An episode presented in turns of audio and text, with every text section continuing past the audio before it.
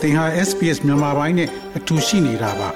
sbs.com.au/burmese မှာပုံမထူးခဲ့တဲ့သတင်းစာမားတွေကိုရှားဖွေပါ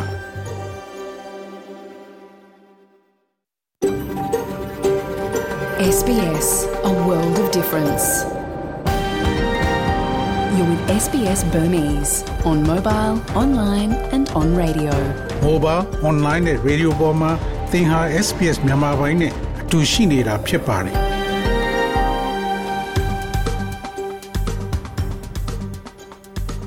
တော်ရရှိမြကျက်တိမင်္ဂလာဖျားဖျားနဲ့ပြည့်စုံတော်မူကြပါစားခင်ဗျာဒီနေ့ဒီဇင်ဘာလ23ရက်အင်္ဂါနေ့မြန်မာပိုင်းစီစဉ်များကို SPS Radio မှာစတင်တန်လှည့်ပါရခင်ဗျာဒီနေ့အစီအစဉ်များကိုကျွန်တော်ကျော်ထွန်းအောင်ခေါ် Terrell အောင်ကတင်ဆက်သွားမှာဖြစ်ပြီးယနေ့ပါဝင်မဲ့အစီအစဉ်များကတော့ Australia မွေများနဲ့ပင့်ကူများအကြိုက်ခံရရင်ဘာလို့ရမလဲဆိုတဲ့ဆောင်းပါးအခြေချနေထိုင်မှုလမ်းညွန်ကမှန်ကန်သောအိမ်ချင်းငွေကိုရွေးချယ်ခြင်းဆိုတဲ့ဆောင်းပါးတန်ရွယ်ခက်ကပေးပို့ထားတဲ့လူအခွင့်အရေးရပိုင်ခွင့်မဲ့ရုန်းကန်နေရစေမတန်ဆွမ်းသူများဆိုတဲ့ဆောင်းပါးတို့ဖြစ်ပြီးဒီနေ့ခေါင်းကြီးပိုင်းသတင်းတွေကတော့ Queensland ရဲ့ရဲအတိုင်းဝိုင်းကရဲအရာရှိနှုတ်အသက်ခံရမှုအတွက်ဝန်နေတရုတ်နိုင်ငံတွင်စန္ဒပြမှုများရှီချင်ပင်းအစိုးရကိုတုံ့လှုပ်ခြောက်ခြားစေတွေ့ဆုံဆွေးနွေးမှုမဖြစ်နိုင်သလိုပြည်ပမှလက်နက်အကူအညီရဖို့လည်းမဖြစ်နိုင်ဟုဆို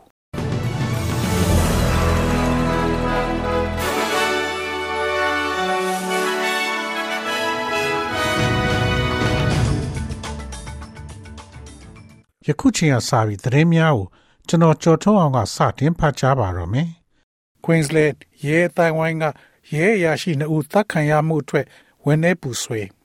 Queensland ရဲ့ရဲမင်းကြီး Katrina Carroll သည် Queensland ရဲ့ Western Down ဒေသရှိကျေးလက်အိမ်တစ်ခုတွင်ပြစ်သက်ခံရသောရဲအရာရှိနှစ်ဦးအားဂုဏ်ပြုစကားပြောကြားခဲ့ပါသည်။အရာရှိနှစ်ဦးကအသက်20ရွယ်ကျော်သာရှိနေပြီး Constable Rachel Macron နဲ့ Constable Matthew Arnold တို့ဖြစ်တယ်လို့ဆိုပါတယ်။ Brisbane ရဲ့နောက်ဖက်ရှိ Wayland County သော William Biller တွင်ခြုံခိုတိုက်ခိုက်ခံရပြီးနောက်၎င်းတို့ကိုသွေးအေးသောကွက်မြက်ဟုဖော်ပြခံရပါတယ်။ Commissioner Carroll က၎င်းတို့သည် Queensland ရဲများရဲ့အလွန်ချင်းမြတ်နိုးသောအဖွဲ့ဝင်များဖြစ်ပြီး၎င်းတို့ရဲ့သိဆုံးမှုသည်မထင်မှတ်နိုင်သောခြေကွဲစရာဖြစ်တယ်လို့ပြောဆိုပါတယ်။သင်နာလေသည့်အတိုင်း၎င်းသည် Queensland ရဲဝန်ဆောင်မှုအတွက်အလွန်စိတ်ရှားမှုနဲ့ စိန်ခေါ်မှုအချိန်တစ်ခုဖြစ်ပါတယ်။ကျွန်ုပ်တို့ရဲ့ဆုံးရှုံးခြင်းသည်အရာရှိတဦးစီရဲ့၎င်းတို့ရဲ့အရာရှိများအပေါ်လေးနက်သောသက်ရောက်မှုရှိစေပါတယ်။ဒီဖြစ်ရဟာအသက်ဆုံးရှုံးမှုအကြီးမားဆုံးဖြစ်ပြီးနှစ်ပေါင်းများစွာအတွင်းတစ်ချိန်တည်းနဲ့ကြုံတွေ့ခဲ့ရတဲ့ရဲတပ်ဖွဲ့ဝင်တွေရဲ့အသက်ပါပဲရဲတပ်ဖွဲ့ဝင်လေးဦးသည်ပျောက်ဆုံးနေသူ New South Wales ကျောင်းအုပ်ကြီး Nathaniel Train သတင်းပေးပို့ချက်များအားစုံစမ်းစစ်ဆေးရန်၎င်းနေအိမ်သို့ကနာဦးသွားရောက်ခဲ့ပြီးကြီးစားများမြောက်များစွာဖြင့်အပြစ်ခံရတာဖြစ်ပါတယ်။ညူဆာဝေပညာရေးဌာနကပြစ်ခတ်မှုမှာပျောက်ဆုံးနေတဲ့ဆီယာမသေဆုံးသွားကြောင်းအတည်ပြုပြောဆိုပါတယ်။အဆိုပါဖြစ်ရပ်တွင်ရဲအရာရှိနှုတ်အိန္ဒိချင်းတဦးနဲ့သေဆုံးသူ၃ဦးတို့သည်ဤရာဇဝတ်မှုတွင်တာဝန်ရှိသူဟု ဆွဆွဲခဲ့ရသူများအပါအဝင် လူ6ဦးသေဆုံးခဲ့ကြောင်းသိရှိရပါတယ်။လူသက်သမားဖြစ်တဲ့ကျောင်းဆရာဟောင်း၎င်းရဲ့အကိုနဲ့ခဲမားတို့ကိုလက်နက်ကင် tactical officer များကပြစ်ခတ်မှုအတွင်းတည်ဆုံးခဲ့ခြင်းဖြစ်ပါတယ်။တရုတ်နိုင်ငံအတွင်းစန္ဒပြမှုများကရှီကျင်ဖင်းအစိုးရကိုတုံ့လှုပ်ခြောက်ခြားစေခဲ့။တင်ကျပ်သော COVID-19 အစီအမံများကြောင့် တရုတ်တွင်မကြုံစဘူးမငြိမ်သက်မှုများဖြစ်ပွားခဲ့ပါတယ်။တရုတ်နိုင်ငံတော်ဝန်အထူးသဖြင့်ကျန်ဂျို၊ဥရန်ချီ၊ကွမ်ဂျို၊ရှန်ဟိုင်း၊ဘေဂျင်းထန်ချင်းရှင်ကျန်းနှင့်ခြုံချင်းကဲ့သို့သောအဓိကမြို့ကြီးများတွင်ပိတ်ဆို့ကန့်သတ်မှုများအပေါ်ကန့်ကွက်သည့်ဆန္ဒပြပွဲများတပြိုင်နက်ဖြစ်ပွားခဲ့ပါသည်။ ထို့သောစံချင်းကန့်ကွက်မှုများသည်1989ခုနှစ်တရနမင်ဖြိုခွင်းမှုနောက်ပိုင်းအကြီးဆုံးသော လူထုဆန္ဒပြပွဲဖြစ်ပြီးပုံမပြန့်နှံ့လာပွဲရှိကာနောက်ဆုံးတွင် အချိန်ဒီတစ်ခုလုံးကို ပြောင်းလဲစေနိုင်တယ်လို့ဆိုပါတယ်။တရုတ်သည်တင်းကျပ်သောကိုဗစ်လုံးဝကင်းစင်ရေးမူဝါဒကိုဆက်လက်အကောင့်ထဲပေါ်နေသည့်တခုတည်းသောအင်အားကြီးနိုင်ငံဖြစ်ပြီးနိုင်ငံသားများသည့်ကန့်သက်ချက်များကို သုံးနှစ်နီးပါးကြုံလာရပြီးနောက်ပြန်ဖွင့်ပေးမဲ့အချိန်ကိုစတင်မျှော်လင့်လာကြပါတယ်။ဘေဂျင်းမြို့ရှိစင်ဟွာတက္ကသိုလ်မှကျောင်းသားများကဒီမိုကရေစီတရားဥပဒေစိုးမိုးရေးနဲ့လွတ်လပ်စွာ ထုတ်ဖော်ပြောဆိုခွင့်များကိုကြွေးကြော်က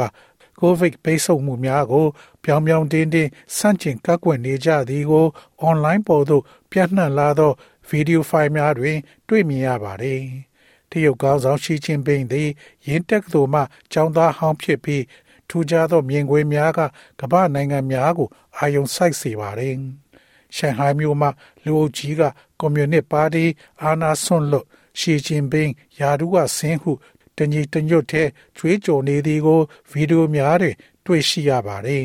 ။တရုတ်နိုင်ငံ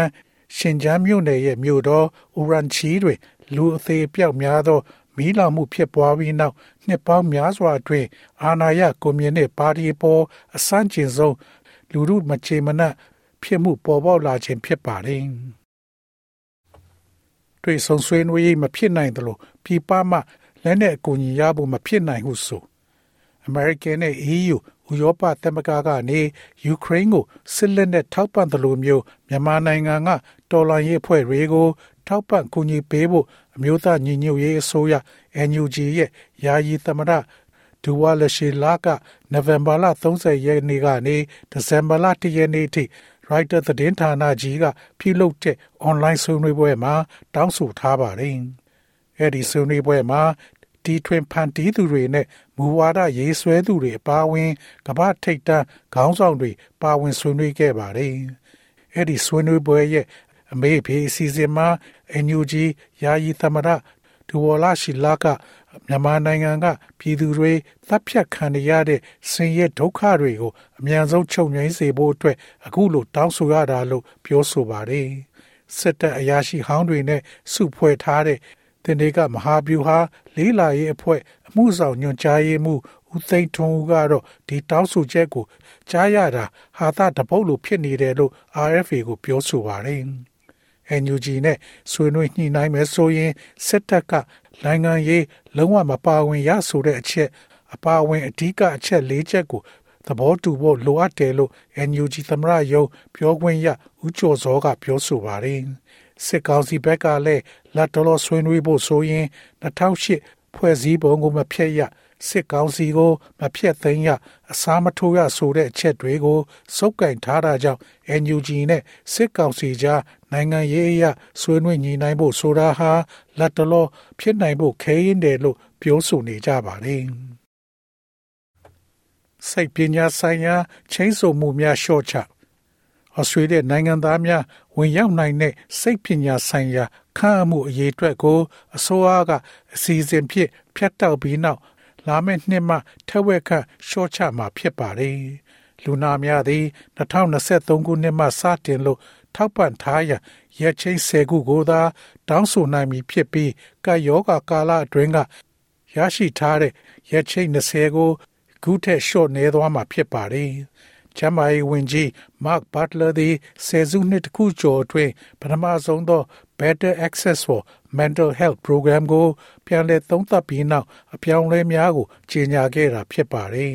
။တိုးချက်ဆောင်ဆိုင်စည်းရင်းများနဲ့လူများအတွက်ဝန်ဆောင်မှုရယူရန်အတားအဆီးများကိုတိုးမြင့်တောင်းဆိုနိုင်တဲ့နောက်ထပ်ရချိန်များကို Mr. Butler ကပြောကြားခဲ့ပါတယ်။ဝင်ငွေနည်းသူများသည် ဝင်ငွေမြင့်မားသူများထက်ဝန်ဆောင်မှုများပိုမိုမှီခိုနေရတော့လေဒီစီစေရဝန်ဆောင်မှုများကိုလက်လန်းမှီနိုင်ခြေအ ਨੇ ဆုံးဖြစ်ကြောင်းဝန်ကြီးကဆက်လက်ပြောဆိုပါတယ်။သို့သောအထူးသဖြင့်ဩစတြေးလျများသည်ကာယောဂတဘာဝဘေးအန္တရာယ်များနှင့်စိတ်ပိုင်းဆိုင်ရာချမ်းမာရေးအဆင့်များတိုးမြင့်လာသောအခါတွင် အထူးသဖြင့်ထိတ်တန့်အဖွဲ့အစည်းများသည် Medicare ပံ့ပိုးကူညီမှုဆိုင်ရာခန့်အပ်မှုများကို ထက်ဝက်လျှော့ချရန်ဆုံးဖြတ်ချက်ကိုပြစ်တင်ရှုံချနေကြပါတယ် SBS SBS SBS SBS SBS This is SBS Radio. ငွေလဲနှုန်းမှာတော့ Australian dollar ကိုမြန်မာကျပ်ငွေ1424ကျပ်ရရှိပြီး American dollar ကိုမြန်မာကျပ်ငွေ2000ကျပ်ရရှိပါတယ်။ Australian dollar ဟာ American 68စနစ်နဲ့ညီမျှပါတယ်။ မနေ့ဖြန် Australia တိုက်မှာရှိတဲ့မြို့ကြီးများရဲ့မိုးလေဝသခန့်မှန်းချက်ကတော့ဆင်နီမြို့မှာအပူချိန်25ဒီဂရီစင်တီဂရိတ်ရှိမှဖြစ်ပြီးမိုးတိမ်သားများအနည်းငယ်ရှိမှဖြစ်ပါတယ်။ Melbourne မြို့မှာအပူချိန်15ဒီဂရီစင်တီဂရိတ်ရှိမှဖြစ်ပြီးမိုးရွာသွန်းမှုလျော့နည်းလာမှဖြစ်ပါတယ်။ Brisbane မြို့မှာအပူချိန်31ဒီဂရီစင်တီဂရိတ်ရှိမှဖြစ်ပြီးမိုးတိမ်သားများခင်းရှင်းလာမှဖြစ်ပါတယ်။ Perth မြို့မှာအပူချိန်30ဒီဂရီစင်တီဂရိတ်ရှိမှဖြစ်ပြီးနေသားမှဖြစ်ပါတယ်။ Adelaide မြို့မှာအပူချိန်20ဒီဂရီစင်တီဂရိတ်ရှိမှဖြစ်ပြီးမိုးတိမ်သားများရှိမှဖြစ်ပါတယ်။ Hobart မြို့မှာအပူချိန်14ဒီဂရီစင်တီဂရိတ်ရှိမှဖြစ်ပြီးမိုးရွာသွန်းမှုလျော့နည်းလာမှဖြစ်ပါတယ်။ Canberra မြို့မှာအပူချိန်18ဒီဂရီစင်တီဂရိတ်ရှိမှဖြစ်ပြီးမိုးရွာသွန်းနိုင်ပါတယ်။ Darwin မြို့မှာအပူချိန်33ဒီဂရီစင်တီဂရိတ်ရှိမှဖြစ်ပြီးမိုးတစ်ဖြောက်နှစ်ဖြောက်ရွာသွန်းနိုင်ပါတယ်။ဤတွင်သတင်းများကိုကြီးညာလို့ပြီးပါပြီခင်ဗျာ။